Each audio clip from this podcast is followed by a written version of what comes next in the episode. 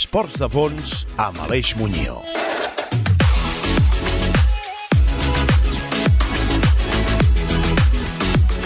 Bon dia, bona tarda, bon migdia, bon vespre o bona nit. Sigui quan sigui que ens esteu escoltant, sigui d'on sigui, des d'on i quan ho feu, benvinguts a 13, benvinguts al 13104, el programa dels esports de fons. Aquí és la casa de tots els apassionats i apassionades dels esports de fons. Aquí és la casa de tots aquells i aquelles que no ens fa res passar fred al matí, passar calor al migdia, matinar per fer allò que més ens agrada, o desafiar les hores de son i les dels àpats als vespres o als migdies. No estem dient que no respecteu els horaris dels àpats i mai que us els salteu, però nosaltres som d'aquells que intentem estirar el temps com un xiclet per tal de fer allò que ens agrada les més vegades possibles. Ho necessitem i és totalment vital.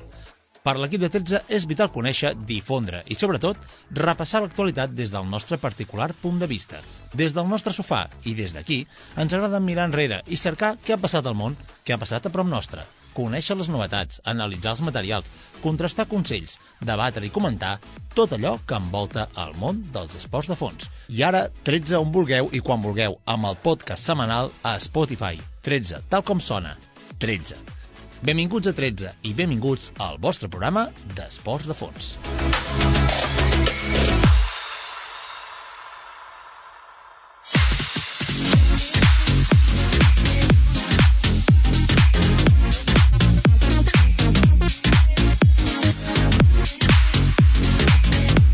I què tindrem avui a 13?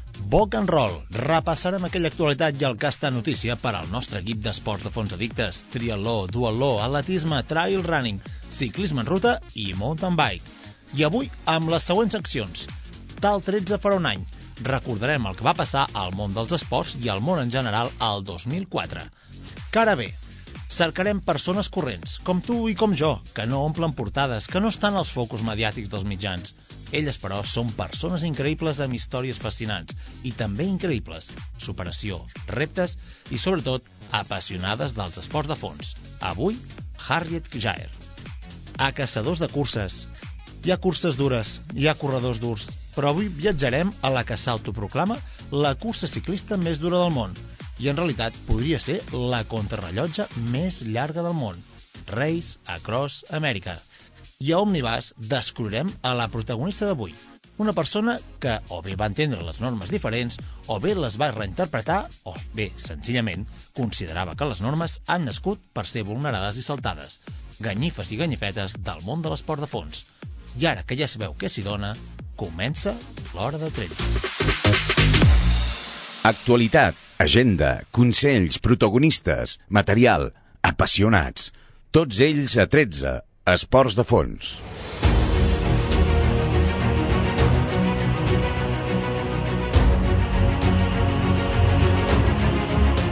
Ironman 70.3 Sant George. Els favorits no deceben en una cursa de rècord. El campionat nord-americà d'Ironman 70.3, mig Ironman, arrencava amb la gran cita de primavera a l'estat de Utah, als Estats Units. Què va passar en categoria masculina? Sam Appleton i Ben Canoter marcaven el ritme als 1.900 metres de natació amb 23.09, amb una llarga corrua en tan sols 20 segons. Lionel Sanders sortia al grup de Dreits i Hoffman a 1.51. Ditlev arribava sol a la T2 amb un temps de 2.01, rècord de la prova als 90 quilòmetres, i un avantatge de 43 segons sobre Bomberg. Per la seva banda, un grupet liderat per Goodwin amb Sanders, Long i Dreits arribava a 2.45. Als 21 quilòmetres de curs a peu, Ditlev sortia per totes. Dels perseguidors, Sanders sortia molt fort i el pas pel quilòmetre 4 ja era tercer a tan sols 1.42. Al pas pel quilòmetre 12 i mig, quatre homes passaven junts. Lionel Sanders, Daniel Bakkegaard, Sam Long i Magnus Dibliev. A 800 metres del final, en plena baixada, Lionel Sanders va donar el canvi definitiu per endur-se la victòria. Per tant, Sanders vencia la prova amb un temps de 3.42.56, a 800 metres del final, en plena baixada, Lionel Sanders va donar el canvi definitiu per endur-se la victòria. Sanders va vèncer la prova amb un temps de 3.42 i 1.11 a la mitja marató, igual que el temps de Sam Long, segon a només 5 segons. Magnus Ditlev conservava el podi a 2.15, el top 5 per Bomberg i Jackson Landry. I què va passar en categoria femenina? L'americana Halle Cura marcava el ritme des dels primers 100 metres i sola feia un temps similar al dels homes en els 1900, 23-51. A 50 segons sortia un grup de 5, liderat per Fenella Langridge, Daniela Riff, Metzler, Pam Oliveira i Paula Finlay, mentre que l'altra gran favorita, Holly Lawrence, cedia 1-15. Daniela Riff prenia l'iniciativa des de l'inici de la bici. Al pas pel quilòmetre 45, Daniel Arrif ja treia 3.45 a Palan i a Finlay i més de 4 minuts al grupet de Holly Lawrence. Però la segona part del ciclisme és encara més demolidora per a Daniel Arrif, qui amb un parcial de 2.14 pulveritzava el rècord de la prova i aconseguia un avantatge a la T2 de 6.07 sobre Emma Pallan i 7.06 sobre el trio de Sky Monk, Paula Finlay i Jenny Metzler. Els 21 quilòmetres de cursa a peu van ser un passeig per Daniel Arrif, que va poder controlar la cursa en tot moment. Guanyava i aconseguia el rècord de la prova en 4.05. Jenny Metzler va ser segona a 4.28 i Emma Palla en tercera a 5.15. Challenge Cancún, mitja distància. Triomf del gallec Gómez Noia i de Romina Palau a la franquícia de la Challenge Family. En categoria mascalina, mascalina. En categoria masculina, a la natació, Benages, David Castro i Javier Gómez Noya dominaven el sector de la natació amb un temps de 24-44 i unes diferències de 20 segons sobre Andy Potts, 1-20 sobre Patrick Nielsen i Will Ruedy i 2-45 sobre Tyler Butterfield i 5-45 sobre Michael Weiss. Els 90 quilòmetres de ciclisme eren completament plans, a tres voltes d'anada i tornada. Noia liderava la cursa fins al quilòmetre 60, quan Andy Pons el va atrapar i li va treure un petit marge, tot i que van acabar arribant junts a la T2. En aquell punt treien 3 minuts a Will Ruedy i 3.20 a Elliot Bach, mentre que 5 minuts a Weiss i a Luquel Pareda. Benages i Castro abandonaven la prova a la T2. Gómez Noia volia tancar el triomf i va anar-se'n en solitari des del quilòmetre 1 de la cursa a peu. Per tant, es va imposar amb una gran diferència, amb un temps de 3.46. Segon va ser Will Ruedy i tercer Andy Potts. El top 5 per a Michael Weiss i Tyler Butterfield. I en categoria femenina, Annette Jenkins va liderar el segment de la natació amb un temps de 29.06, amb Annie Kelly i l'argentina Romina Palau als seus peus. Saleta Castro sortia sisena, a dos minuts. Jenkins va prendre's els 90 quilòmetres de bici en solitari i decidí de marcar el millor parcial. La primera a arribar a la T2 va ser ella mateixa, amb un parcial de 2.28, amb 50 segons sobre Palau i Kelly. Jenkins, però, estava tocada per una lesió i va ser rebassada la cursa a peu per l'americana i l'argentina, i ella mateixa abandonava poc després. Per tant, triomf clar de l'Argentina Romina Palau amb 4.34, la segona plaça per Annie Kelly a 4 minuts i el podi el va tancar Palmira Álvarez a 6.45. Saleta Castro va ser cinquena a 11.11.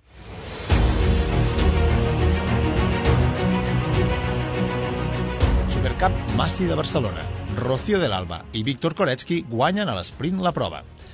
El Trofeu Internacional Ciutat de Barcelona arribava a la seva quinzena edició amb una graella de gran nivell, en la qual, per als favorits, anava a ser l'última prova abans d'arrencar la Copa del Món el proper cap de setmana a Alpstad. Rocío de l'Alba, del BH Temples Café, i Víctor Koretsky, del KMC Orbea, van guanyar la prova a l'esprint en els dos casos.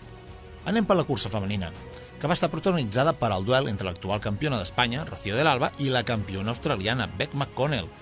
A l'esprint, Rocío va ser més potent i va guanyar a McConnell, que es va haver de conformar amb la segona posició. Per darrere, a l'últim esglaó del podi, que també es va decidir l'esprint, on Isaura Mede va batre a l'holandesa Sophie van Benworts. En categoria masculina, la cursa va tenir un guió semblant després d'una sortida esvalutada, Dan Soete i Víctor Koretsky es van avançar a la resta. Per darrere, Jofre Cullell i McConnell del primer Flor Mondraker, al costat del campió belga Schumann, que només van poder lluitar per retallar el temps amb els primers. A línia de meta, Corexi va fer gala de la seva gran capacitat a l'esprint per guanyar la cursa. Dan Soete va quedar segon i Schurmans va tancar el podi. Anem ara a la Profix Swiss Bike Cup, o la notícia que li han pres a l'Adam Goldthorpe. La Profix Swiss Bike Cup va començar a Leukerbad amb unes dures condicions de fred i neu a les que Tom Pitcock, de Lineos Granèdies i Mino Mitter Wallner van guanyar dos espectaculars actuacions – tots dos partien entre els favorits, però pocs haguessin apostat que guanyarien així. A l'apartat masculí, expectació total per veure competir a Pitcott per primera vegada davant d'alguns dels millors ciclistes èlit del mountain bike. Va arrencar una carrera amb les millors condicions climàtiques que la prova femenina. El suís Filippo Colombo va liderar la carrera a la sortida, però Tom Pitcock de l'Ineos Grenadier, va sortir molt ben col·locat i només en va tenir prou amb una volta per posar-se primer i començar a obrir forat. Era la primera vegada que Pitcock competia aquest any en bicicleta de muntanya i el seu període d'adaptació després de la temporada clàssiques a la carretera tot just havia estat de dues setmanes. Tom Pitcock va, guany va guanyar amb més de 3 minuts d'avantatge sobre el francès Tituan Carot i sobre el canadenc Sin Finkham. En l'apartat femení, exhibició de Mona Mitter-Wallner davant de l'èlit mundial. La sortida de la cursa femenina es va donar sota una intensa nevada que va disminuir i va augmentar al llarg de la carrera. El clima jugaria un paper fonamental i davant d'aquestes condicions de fred van veure com la indumentària triada va ser de tota mena. A la primera volta, les favorites van començar a moure fitxes i la jove austríaca Mona Mitter-Wallner es va posar al capdavant amb alguns segons d'avantatge sobre el duet format per Kate Courtney i Pauline Ferran-Prevot. Mona Mitter-Wallner va continuar la seva exhibició i va guanyar la cursa. Kate Courtney va ser segona i Pauline Ferran-Prevot tercera. I com veus hem comentat, d'aquí en breu començarà la Copa del Món de Cross Country Olímpic. I arriba la Copa del Món de Cross Country Olímpic, aquest cap de setmana, aquest cap de setmana que ve, després de mesos d'espera i complicacions, d'incerteses i dubtes, ja arrenca. El tret de sortida serà a Albstadt, a Alemanya, en un campionat que transitarà per sis seus i sis dates en què es dirimirà qui serà el proper campió i la propera campiona. Estem davant la qual és, sens cap dubte, la competició més important del cross country olímpic. Bàsicament, es tracta d'un grup de proves i cadascuna amb un circuit diferent però en totes les condicions són semblants. Avui us volem explicar en com, en què consisteix i com funciona aquesta competició. Es tracta de donar-li voltes en un mateix circuit ben traçat i que cada vegada inclouen més parts tècniques, però la carrera segueix durant al voltant d'una hora i mitja. Cada posició suma uns punts, així que hi ha una classificació per prova i una classificació general sumatòria. Qui més punts suma al fi de totes les proves guanya la Copa del Món. Els cinc primers classificats sumen 300, 250, 200, 180, 160 punts respectivament, i així hi ha punts fins al 38è. Aquesta Copa del Món del 2021 inclou aquesta Copa del Món 2021 inclou sis proves, Alpstad, Nove Mesto, Leogang, Les Getz, Lenzerheide i Snowshoe. Totes són europees excepte l'última, que tanca la competició i que serà als Estats Units. Tots els circuits tenen les seves particularitats, però també tots tenen les seves similituds. Les normes són senzilles. Cada volta al circuit ha de tenir més de 4 quilòmetres i menys de 10, i la suma total del temps ha de ser similar. Així que més quilòmetres per volta, menor nombre de voltes. També, la zona asfaltada no pot superar el 15% del total del circuit. I, finalment, ha de permetre zones amples per poder competir en paral·lel i poder avançar. Com comença una prova de la Copa del Món 2021? És diferent a altres proves de mountain bike i bastant curiós. Ja diguem una classificació prèvia, la coneguda com a short track. En aquesta ja es donen pistes de com arriben els ciclistes a competició i és una mini competició dins de la prova de la Copa del Món, ja que en funció de la posició en aquest short track serà la posició de sortida de la prova. La graella consta de 8 posicions per línia, així que els ciclistes aniran posicionant en aquestes files de 8 en funció del seu resultat en el short track. Si no han participat en el short track, ho faran per sorteig. Aquesta prova curta dura tot just 20 minuts, de vegades, en funció del circuit, una miqueta més. Pel que fa al tipus de bicicleta, pràcticament totes coincideixen, doble suspensió i rodes de 29. Per descomptat, en ocasions especials, això de la doble suspensió és matisable, però no la mida de les rodes. La doble suspensió perquè en ocasions, en funció del circuit, es pot optar per una rígida. Les bicicletes oscil·len entre els 8 i 9 quilos.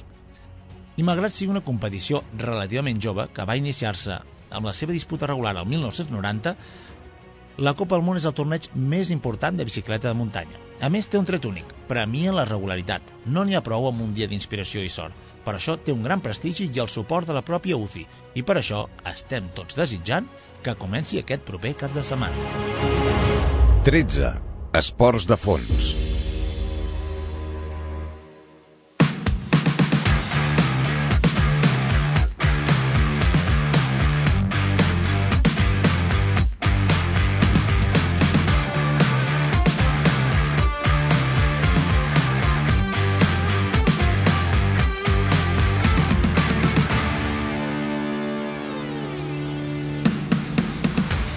Bueno Silencio lentis de trece.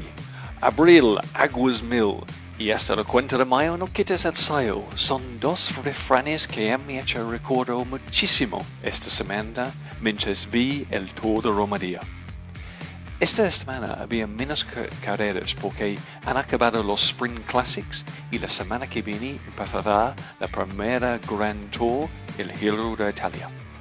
Sin embargo, había la Tour de Romandía que la mayoría de los participantes están preparando el Tour de France.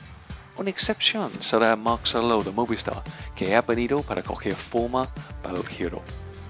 Los cinco etapas empezaron con un prólogo de solo 4 kilómetros, muy técnica, con giros de 180. De nuevo han sido ganados por Roman, Roland Dennis, el ex campeón del mundo, que ha ganado Guian Thomas y luego Richie Port. Y también, y, y quizás sorprendente, en los primeros días era Philip Gano, campeonato del mundo. Sin embargo, los niños grenadiers han venido muy fuerte. La primera y segunda etapa fueron tranquilos. Dennis seguía con el maillot amarillo. En tercero han venido el lluvia y, cae, y varias caídas, incluyendo Dennis, que sabía que no acababa el día con amarillo. Pero que no sabía nadie es qué fuerte era Marc Soler. Con los últimos kilómetros se escapó para ganar y llevar la maillot amarillo. Entonces, la cuarta etapa, la etapa reina que, que con una subida de 20 kilómetros, toda con lluvia y frío. Ian Thomas y Michael Woods eran los más fuertes y faltan solo 100 metros, los dos preparando el sprint final. Un despiste de Thomas y se cayó y había un espectáculo mientras él intentaba montar su bici con todo de lluvia y frío. Llegando a la última etapa, un contrarreloj, uh, Woods tenía la mayor con 11 segundos de adelante de Thomas, después Bevin, Solar y Port. Wood tenía claro que el contrarreloj no es su especialidad y final, Thomas ganó, segundo para Richie Port, tercero para Fastin Mastado y, y muy merecido Mark Saleo cuarto. Entonces, primero y segundo para los Ineos Grenadiers un fin de semana muy, muy fuerte para ellos. Para acabar, a mí me gusta hablar de otro grenadier, un joven británico Tom Peacock. ¿Dónde está? ¿Qué he hecho? Pero por esto tenemos que esperar. Hasta la próxima.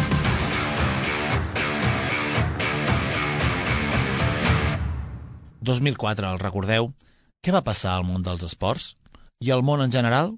Laia Estreguer ho sap ben bé i ens condueix en un viatge a la memòria no tan llunyana.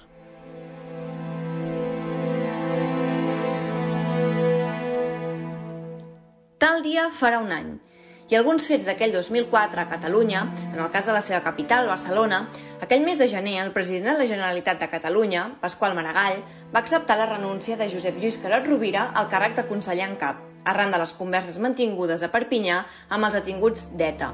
Va continuar sent conseller fins al febrer d'aquell any, quan Josep Lluís Carot Rovira va dimitir de conseller sense cartera al govern de la Generalitat de Catalunya. Més endavant, a la primavera, el mes de maig, es va inaugurar el Fòrum Universal de les Cultures a Barcelona i cap a la tardor, el 21 d'octubre, la companyia de teatre de Goll de Gom va tornar a presentar l'obra Maricel, de l'autor Àngel Guimarà, també aquell mateix octubre, la selecció catalana d'hoquei patins va guanyar el campionat del món B masculí. Va ser la primera vegada que la selecció catalana va competir a nivell internacional.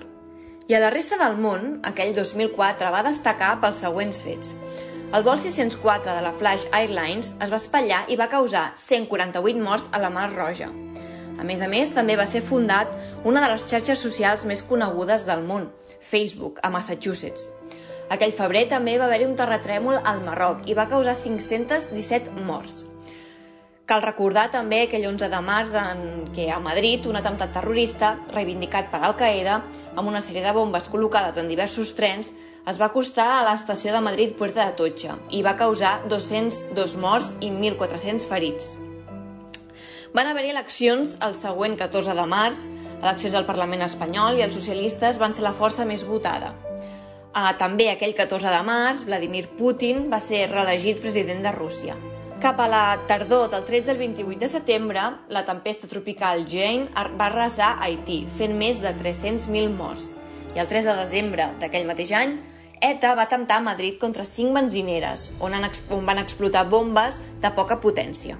I en el món dels esports d'aquell 2004, El Tour de França el va guanyar Lance Armstrong, però després de ser acusat de dopatge va quedar descalificat i, per tant, es considera guanyador del Tour de França d'aquell any Andreas Kloden, el mateix guanyador també del Giro. Pel que fa a la Vuelta, va quedar en primera posició Roberto Eras, i pel que fa al Campionat del Món de Ciclisme en Ruta, que es va celebrar a Verona, Itàlia, va quedar en primera posició l'espanyol Òscar Freire. Més endavant, pel que fa al Campionat del Món del Triatló, en la categoria masculina va quedar en primera posició Dimitri Gag i en la categoria femenina Anja Dittmer. Finalment, el ciclocross d'aquell 2004, que es va celebrar a França, a la categoria masculina va quedar en primera posició Bart Wellens i a la categoria femenina Francesca Lawrence. Saltar-se la norma no sempre és per treure un avantatge. Saltar-se la norma de vegades és per senzillament fer allò que seria el més just, el més equitatiu i el més normal. Quan això passa és perquè la norma potser és ella en si mateixa que és transgressora. Si no pots lluitar contra ells, uneix-te a ells.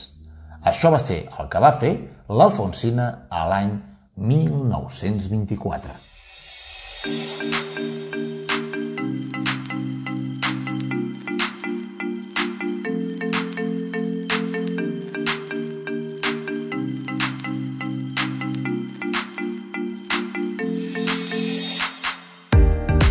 Alfonsina Morini, nascuda Alfonsa Rosa Maria, va néixer a Castelfranco Emilia, un 16 de març de 1891.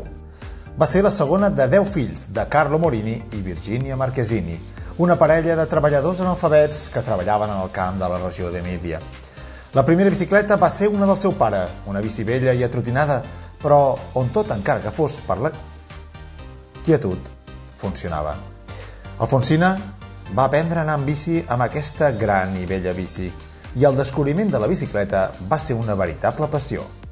Alfonsina va trobar en aquell esport quelcom més que on gaudir i fer activitat. Abans dels 14 anys, la jove ja havia trobat una manera de participar en diverses curses d'amagat dels seus pares, a qui mentia dient que anava a missa dominical. La típica excusa, no? Exacte. Era, era amagar-se darrere de la fe. Sí a l'edat de 13 anys, va aconseguir la seva primera victòria en una carrera de ciclisme. Et fa gràcia que tingui 13 anys? No, amagar-se darrere de la fe. Clar. Me l'he imaginat anant a missa en bicicleta, amb la vella bicicleta del seu pare. Doncs amb 13 anys va aconseguir la seva primera victòria de ciclisme. Els seus pares veien que la seva filla abocava i tenia una fe i passió divina més gran, però la seva mare elles, elles, elles ho saben tot. Elles ho saben tot. Va, va, va descobrir la veritable fe de l'Alfonsina. I quina era la veritable fe? Doncs sembla ser que era el ciclisme, no? Clar. La mentalitat italiana de l'època van fer que la seva mare, que la seva mare, li donés un ultimàtum. Li va dir que per seguir corrent s'havia de casar i anar-se'n de casa. Això és com la, les típiques rondalles... Sí, no, tu t'agrada anar en bicicleta, doncs ara si et cases i te'n vas a casa. Okay. És l'heteropatriarcat de l'època. Clar, sí, tenia 14 anys. Clar, tenia... com dius a una nena, 14 anys, de segon d'ESO, casa't. Bueno, clar, però de casa. Ni, ni que en tingués 24. Clar, però bueno, i de fet, de fet a l'any a l'any 1800... No, 1800... 1910 o 1914, diguéssim que potser l'ESO encara no hi era. Alfonsina tenia 14 anys. Uh -huh. I havia descobert una passió, que la transportava a tota velocitat per curses dominicals de la seva regió italiana. I què, què és el que podia fer, pobra Alfonsina? Amb 14 anys, i que els teus pares, que han sigut els teus mentors, et diguin o la bicicleta, noia, o, o deixes la bicicleta, o mira, si vols anar amb bici, clar, li hauria dir alguna impossible. No, doncs mira, et cases i te'n vas a casa. Doncs és què va fer l'Alfonsina. Què va fer? Doncs a casa seva li posaven difícil. Doncs, ja que li van dir això perquè deixés la bici, ella, doncs, va, potser digue-li impulsiva, digue-li adolescent, però l'Alfonsina, a l'edat dels 14 anys, al 1905, es va casar amb un mecànic i cisellador, Luigi Estrada, amb qui es va mudar a Milà. Com a regal de noces, ell va aconseguir-li una bicicleta. El seu marit va resultar ser el seu primer seguidor i gerent. Mira, Digue-li manager. ah, sí, el Escolta, manager. era bon nano, doncs. Sí, sí. El Luigi, el Luigi era bon nano. Va encertar, es va casar i mira, almenys el va, el va tenir, bueno, del, del seu costat. Home, amb 14 anys, eh, clar, més sort que va trobar algú que valia la pena al costat. Algú que l'entenia. Les primeres carreres, el 1907, ja als, amb 16 anys, se'n va anar a Turí, una ciutat en la que el ciclisme havia fet arrels i on les dones sobre dues rodes no eren motiu d'escàndol. A l'antiga capital del regne va començar a competir, també superant a la famosa Giuseppina Carignano, perquè els noms saps que s'han de dir en italià, no? Clar, Aleix? sí, la Josepina Carignano. Sí, sí. I, I va guanyar el títol de millor ciclista italiana. El 1907, carai. Encara a Turí va conèixer en Carlo Messori, també eh, emilià, de, de la regió d'Emília, qui va conven convèncer a l'Alfonsina perquè l'acompanyés al Gran Premi de Sant Petersburg del 1909. Això, saps on és, no? Sant Petersburg. Sí, està a Rússia, estava lluny, estava lluny. Però no en bicicleta, eh? No, no. En aquesta ocasió, Morini va rebre una medalla del tsar Nicolau II. Després de quedar-se vídua, malauradament, doncs, eh, el seu marit, que... El que havia sigut el seu primer manager. Sí, sí, sí. sí. A més, a més, a més, els guionistes ens ho posen així. Després d'enviudar, com que allò que diu un bon dia, el diumenge, quan es va llevar i anava a buscar el cafè amb llet, va dir Ma, Luigi, ¿dónde está ¿Dónde el está café? Luigi? Y, y el Luigi, Luigi está durmiendo. Está Fredo. Está Fredo. No sega Fredo. No Sí- sé. Sí, sí estava Fredo, eh? Estava molt fred. Estava molt Fredo, està morto, està mort el Luigi. Em perdó amb, la, amb, amb el Luigi, que havia sigut un bon noi amb, amb l'Alfonsina. Sí, sí. Bueno, total, que mira, el, en Carlo Messori, digue-li Doncs- digue pràctica, però l'Alfonsina es va casar amb en Carlo Messori. Sí, sí. El 1911, amb en Calieri, va establir el rècord mundial de l'hora per dones al completar 37 Com? quilòmetres i 192 metres Perdona, fer una hora a 37,192 quilòmetres per hora, amb les bicis, Amb de, les bicis. de principis de segle XX. això, aquesta tia era un roure, eh? Sí, sí. No, no, ara, ara en sèrio, que això, amb totes les bicis aquestes aquí, tots aquesta gent que fan Ironman, que fan cronos i, i tots aquests eh, modernets i flipadetis que hi ha pel món, no farien 37, bueno, i amb la bici de l'Alfonsina menys. Clar, i les carreteres de, de l'època, no? Sí, sí, perquè mm, Déu-n'hi-do, déu nhi déu Doncs això doncs, va superar la marca establerta 8 anys abans per la francesa Louise Roger, Clar, és m'agrada perquè tu pronuncies bé, eh? Ho fas ha bé. estudiat. Els dus, els dus, Es du. Es du, es du, clar, les du, les du, clar. No, però aquí seria les Due Tours de Llombardia, el 1917, en l'apogeu de la Gran Guerra, Alfonsina es va presentar a la redacció de la Gazzetta, l'organització, el, el diari organitzador, per sol·licitar unir-se al Giro de Lombardia. Cap regulació ho va impedir, sent inscrita com un aficionat de segona classe, de manera que Armando Cunyet, té Cunyet el nom d'aquest paio, propietari de les carreres, va acceptar el registre. Va ser la primera vegada que l'Emiliana va participar en una cursa... No, no és que sigui... No és que... La, la noia de la regió d'Emília. sí.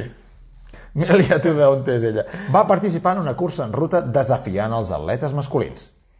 Després va enlairar el 4 de novembre de 1917 a Milà, juntament amb els altres 43 corredors de la cursa, incloent a Gaetano Veloni, Felipe Cis, Constante Girardengo, diverses vegades felicitada per ell, i Henry Pellissier.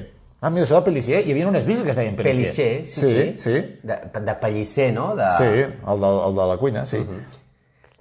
L'arribada de- d'aquesta cursa va ser a Milà, al Parc Trotter. Tu saps on és el Parc Trotter? No ho sé, però, però s'ha de trotar molt, no? Sí, no, no, bueno, de fet, deu ser un lloc important de Milà, no? El Parc Trotter. Sí. Després de la cursa, Eh, Passés per Varese, per Como, el, el, el lago di Como, sí. L'Eco, Lecco e Monza, sí. eh, durant els seus 204 quilòmetres. Doncs va ser eh, el belga Tis qui va entrar davant de Pellicer, Beloni va arribar sisè, Girardengo desè i Alfonsina Morini va ser l'última de les que van completar la línia d'arribada. A una hora i mitja del guanyador. és a dir, que ella va arribar i van ser l'última dels que van entrar dins de control. Ah. Però ella va arribar. Sí, sí, sí. sí, Competint amb homes, va arribar. Molt bé. Després d'ella, uns 20 corredors, doncs és el que tu dius, que van arribar fora de temps. Fora de control. La presència d'Alfonsina Morini Strada en aquesta cursa va ser considerada una raresa que va causar comentaris punxants, punyents, però malgrat això, la ciclista es va inscriure a l'edició de 1918 de la Milà-Mòdena, però va haver de retirar gairebé immediatament i retirar-se immediatament a causa d'una caiguda. El novembre, el novembre d'aquell mateix any es va reinscriure a Llombardia, amb 49 participants a la línia de sortida. De fet, d'aquests 49, només 36 van aparèixer a línia de sortida. I durant la cursa va haver-hi 14 abandonaments. La victòria va ser per Belloni, mentre que Alfonsina va arribar entre els 20 primers a 23 minuts, superant en l'esprint de, de Como, Carlo Colombo, per tant, relegant Escolta, a no, no, l'últim no lloc... l'esprint de Como.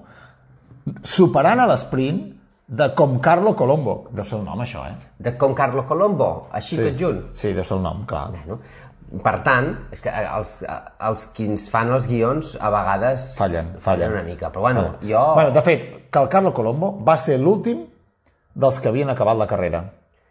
L'objectiu de la reina del pedal era... Eh, Aquest era un dels seus sobrenoms, seus, no, sí. sobrenoms. Sí, sí, sí. La reina del pedal. S'havia convertit en la partici... en la... el de participar, en el. Giro d'Itàlia. Què volia la reina del pedal? Doncs competir, participar en el Giro d'Itàlia. L'Emiliana, la senyora de, de, de la regió d'Emília, Mhm. aviam, si tu ets italià, ma che cosa la più grandi nel mondo de, del velocipedi? La più grande volta per etapi. Il Giro d'Italia, il Giro della per Italia. favore, prego. Ma, ma Alfonsina non è un uomo, No, eh, sei una donna. è una donna. Però è la prima La donna prima donna, la, la regina pad- pedali. Sí, de pedali. L'Alfonsina tenia clar quin era el seu objectiu.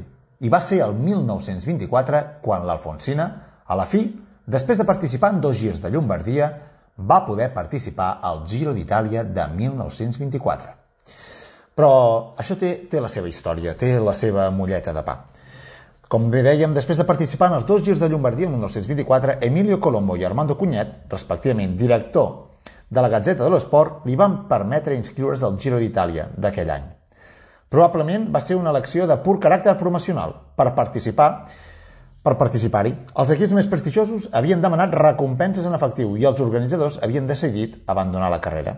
Per tant, hi havia una miqueta de follon d'equips que havien demanat quartos Sí, i era una edició que se'ls estava quedant una miqueta orfa i van dir digue'ls, digue'ls interessats Cop d'efecte, anem a cop fer un revulsiu. El 1924, és a dir, van triar un cop d'efecte de fer participar una dona, la que era la reina dels pedals, a la cursa que és una de les tres grans curses per etapes de tota Europa i també del món, món. el Giro d'Itàlia. Per tant, com que no hi havia equips, es va obrir de manera excepcional la participació als ciclistes individuals, encara que el seu nom no s'acceptés definitivament fins només 3 dies abans de l'inici de la cursa. El Giro, aquella edició del Giro, va creuar la península itàlica durant 3.613 quilòmetres, amb 12 etapes, intercalades amb dos dies de descans, 108 inscrits, dels quals només 90 es van presentar a la sortida. Naturalment, per Alfonsini, Morini i Estrada va ser molt difícil mantenir el ritme dels col·legues masculins, però cada vegada que aconseguia arribar a la línia de meta, sempre amb una miqueta de retard, s'aturava a donar postals autografiades als seguidors. És a dir, ja començava a ser un fenomen de masses. Va superar el temps màxim durant l'etapa de, que el portava des de l'Aquila a Perugia. Inicialment, alguns membres del jurat, inclòs el propi Colombo, no volien eh, excloure de la del cursa per haver arribat fora de temps, tenint en compte també que eh, bueno, havia citat una etapa on havien hagut moltes caigudes i punxades, però més tard es va optar per una línia més dura. Alfonsina Morinistrada va ser exclosa de la classificació general. Aquesta decisió, però, tenia polèmica. Hem de pensar a l'any que ens trobàvem i Alfonsina, Morini, guanyava homes i els batia. I, estem, I hem de pensar que era un moment on la equitat i la, i la coeducació i la paritat entre homes i dones no, era, no brillava per la seva ausència. Per tant, el gènere masculí estava una miqueta que li pujava la mosca al nas, Sí, sí. perquè l'Alfonsina es petava en els, en els ciclistes masculins, uh -huh. amb la qual cosa, si estava en un moment on les dones no tenien els mateixos drets que els homes i una dona competia de tu a costat, tu. de tu a tu, inclús vencent a homes, això va generar polèmica. Per tant, van decidir, després d'aquesta mena fora de control, van ser superdurs amb ella, cosa que amb els homes no eren. No obstant això, es va acordar arribar a un compromís. Alfonsina podria participar a totes les etapes restants, però el seu temps no seria comptabilitzat per la classificació.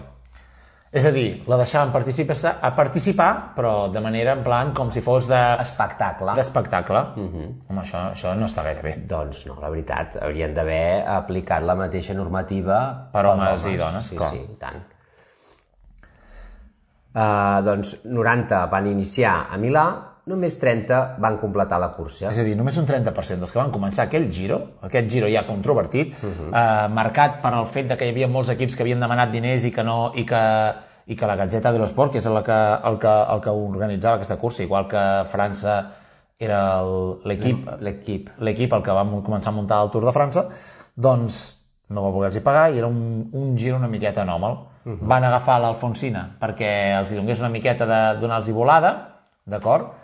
Però quan van començar a veure que era un giro molt dur, que la gent començava a abandonar, anaven deixant maniga ample, però clar, els tios que començaven a quedar-se fora de control i que arribaven massa tard van dir, escolta'm, això no pot ser, aquesta noia ens està guanyant. I van dir, doncs ara ens la patarem, la fem fora. Va haver una miqueta de rebombori i van dir, va, vinga, et deixem participar, però tu ja estaràs fora de classificació. Això mateix. I així ho van fer. En el fons, va ser la gran atracció del públic i de la premsa durant tota la, la cursa. Però va participar aquell 1924, però què va passar després? Aviam, eh, el masclisme regnant li va impedir participar en els anys següents, però la ciclista va guanyar no menys de 36 carreres eh, contra eh, homes, contra els seus homòlegs masculins, i va guanyar l'admiració de molts campions del ciclisme, com Constante Girardengo. Aquesta actitud de la- l'Alfonsina, que va ser com la primera gran ciclista professional i que la veritat, veient les seves xifres i els seus números són espectaculars, de fet va ser la primera dona que va participar en, en curses amb homes en, en, en ciclisme i va ser una precursora del ciclisme femení. Però què ens ha arribat de l'Alfonsina? La col·lecció de contes de Gianni Celati, titulada Narratori delle Pianure, eh, De l'editorial Feltrinelli. del 1985, la història del corredor i del seu amant està inspirada en la seva figura. El 2004 es va publicar el llibre escrit per Paolo Facchinetti, Els anys rogents d'Alfonsina Estrada, la novena de l'única dona que va córrer el Giro d'Itàlia juntament amb els homes. Ostres, si això és el, el títol de la novel·la, necessites un dinar 3 eh, de llibre per poder escriure tot aquest nom. Però bueno, de, el podeu trobar a Idi- Edicio, Edicioclo Editore. Edicioclo Editore. He dicho, ho he dit bé? He dicho- he dicho bé o sí, no? has dicho perfecto. El llibre està inspirat en el guió de la pel·lícula escrit per Agostino Ferrente i Andrea Sata, vocalista del grup Tets de Bois. El cert és que, si no pots lluitar contra ells, uneix-te a ells. Això és el que va fer l'Alfonsina. Això va ser el que va fer que l'Alfonsina fos la primera dona a córrer un Giro d'Itàlia. A l'any 1924. L'Alfonsina es va saltar la primera regla, la que li marcava la seva mare. L'Alfonsina deia que anava a missa, i se n'anava en bicicleta, i als 13 anys ja guanyava les primeres curses. L'Alfonsina es va inscriure al Giro, una cursa que només estava reservada per homes. Va aprofitar aquella petita escletxa que li deixava un giro controvertit al 1924 i va haver de lluitar en un món masclista, en un món heteropatriarcal, que avui encara ho és, i on en Cal Fonsina ens deixa el seu llegat per obrir el món de l'esport femení. Entrenament, psicologia, competició, recuperació, nutrició... Tots els professionals dels esports de fons tenen cita a 13. Esports de fons.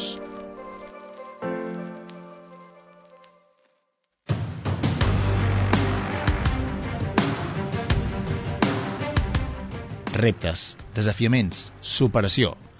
Històries petites de grans persones. Històries inspiradores, històries sorprenents que s'amaguen en segona línia i ens mostren un univers de desafiaments que s'acosta molt al friquisme i a la inconsciència, però que ens ajuden a entendre l'esport com un romàntic joc entre superació, allò desconegut i la profunda essència de l'ésser humà. Avui coneixerem una protagonista que no, que no se li acaba la corda, o millor dit, que no se li acaben les cordes, Harriet Giles.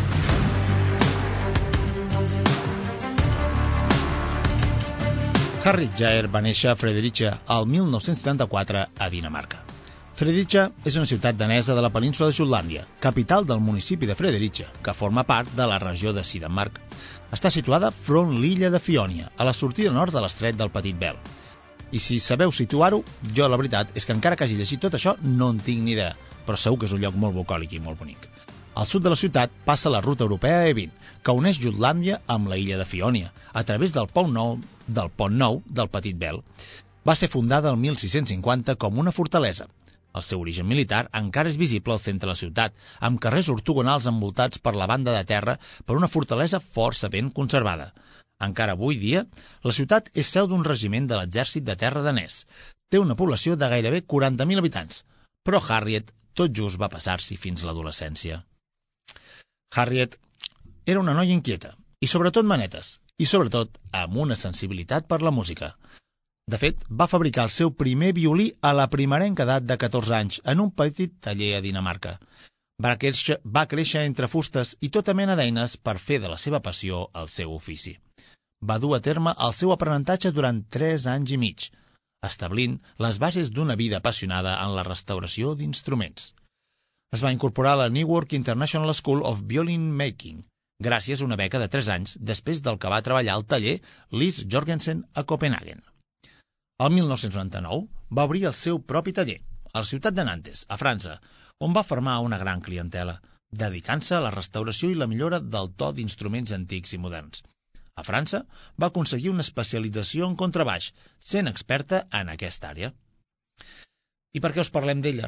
Doncs mireu, ja ens comença a tocar una miqueta més a prop, perquè ara fa uns anys, als voltants del juliol del 2010, la seva relació sentimental la va dur a traslladar-se a Barcelona, més concretament a la Barceloneta, on va muntar el seu taller artesà. Allà es dedicava a la restauració, a la reparació i al manteniment, així com al lloguer i venda d'instruments, cordes i accessoris. I el novembre del 2019, Harriet va traslladar el seu taller a Arenys de Mar, també a prop del mar.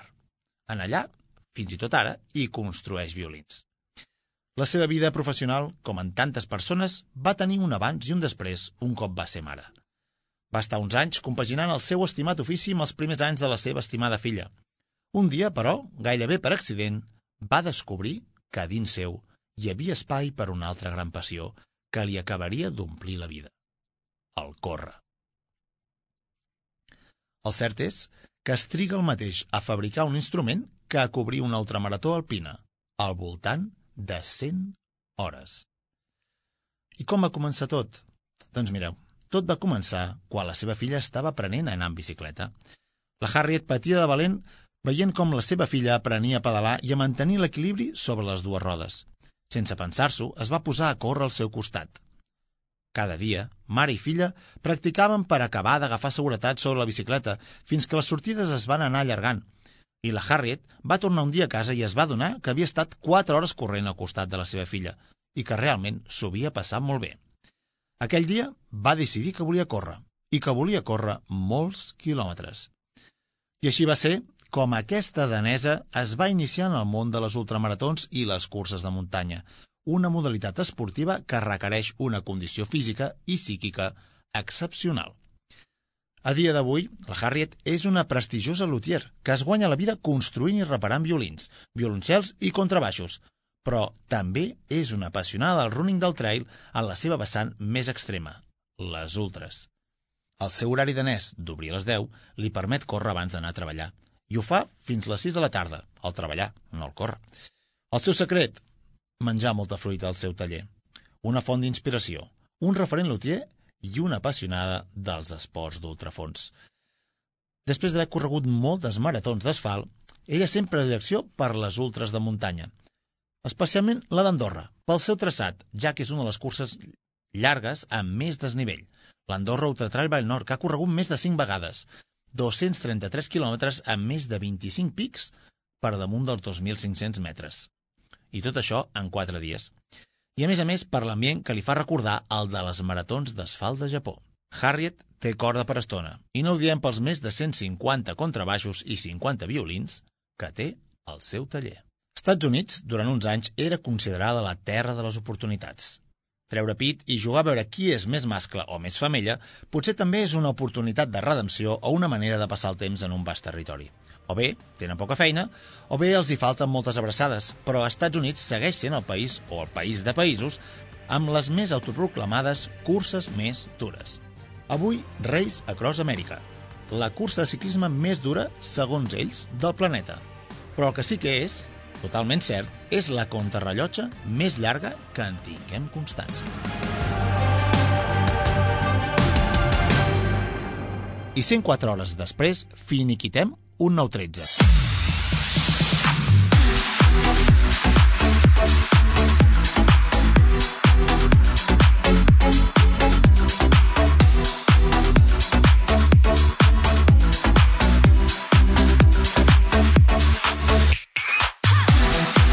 amb la coloració de Joan Moya, Adam Goldthorpe, Guillem Caldés, Xavi Palaí, Lai Estreguer i Sergi Latorre, i amb el suport tècnic de la Rocío i d'en Roger. I ara, 13, quan vulgueu i on vulgueu. Ja som a Spotify. Teniu a la vostra disposició cada setmana el podcast de 13. 13, tal com sona, en lletres. Podreu linkar-vos-hi directament també des del nostre perfil d'Instagram, arroba 13 espai esports de fons. De debò, gràcies per formar part de la família de 13 i d'aquests 100 4 programes. Per fer-vos aquesta descoberta de l'entorn, teniu la llista de Spotify 13 BCO, banda sonora oficial. I hem anat afegint totes les cançons del nostre imaginari. I és l'hora, doncs, d'afegir-hi la que hem escollit entre les que més van petar-ho el 2004. Una cançó que, en realitat, va ser publicada el 2003, però triomfava a les llistes d'èxit del 2004.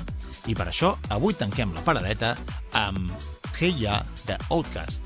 Fins la setmana que ve i, sobretot, gaudiu molt i molt de tot. De tots i de totes. One, two, three, uh. My baby don't mess around because she loves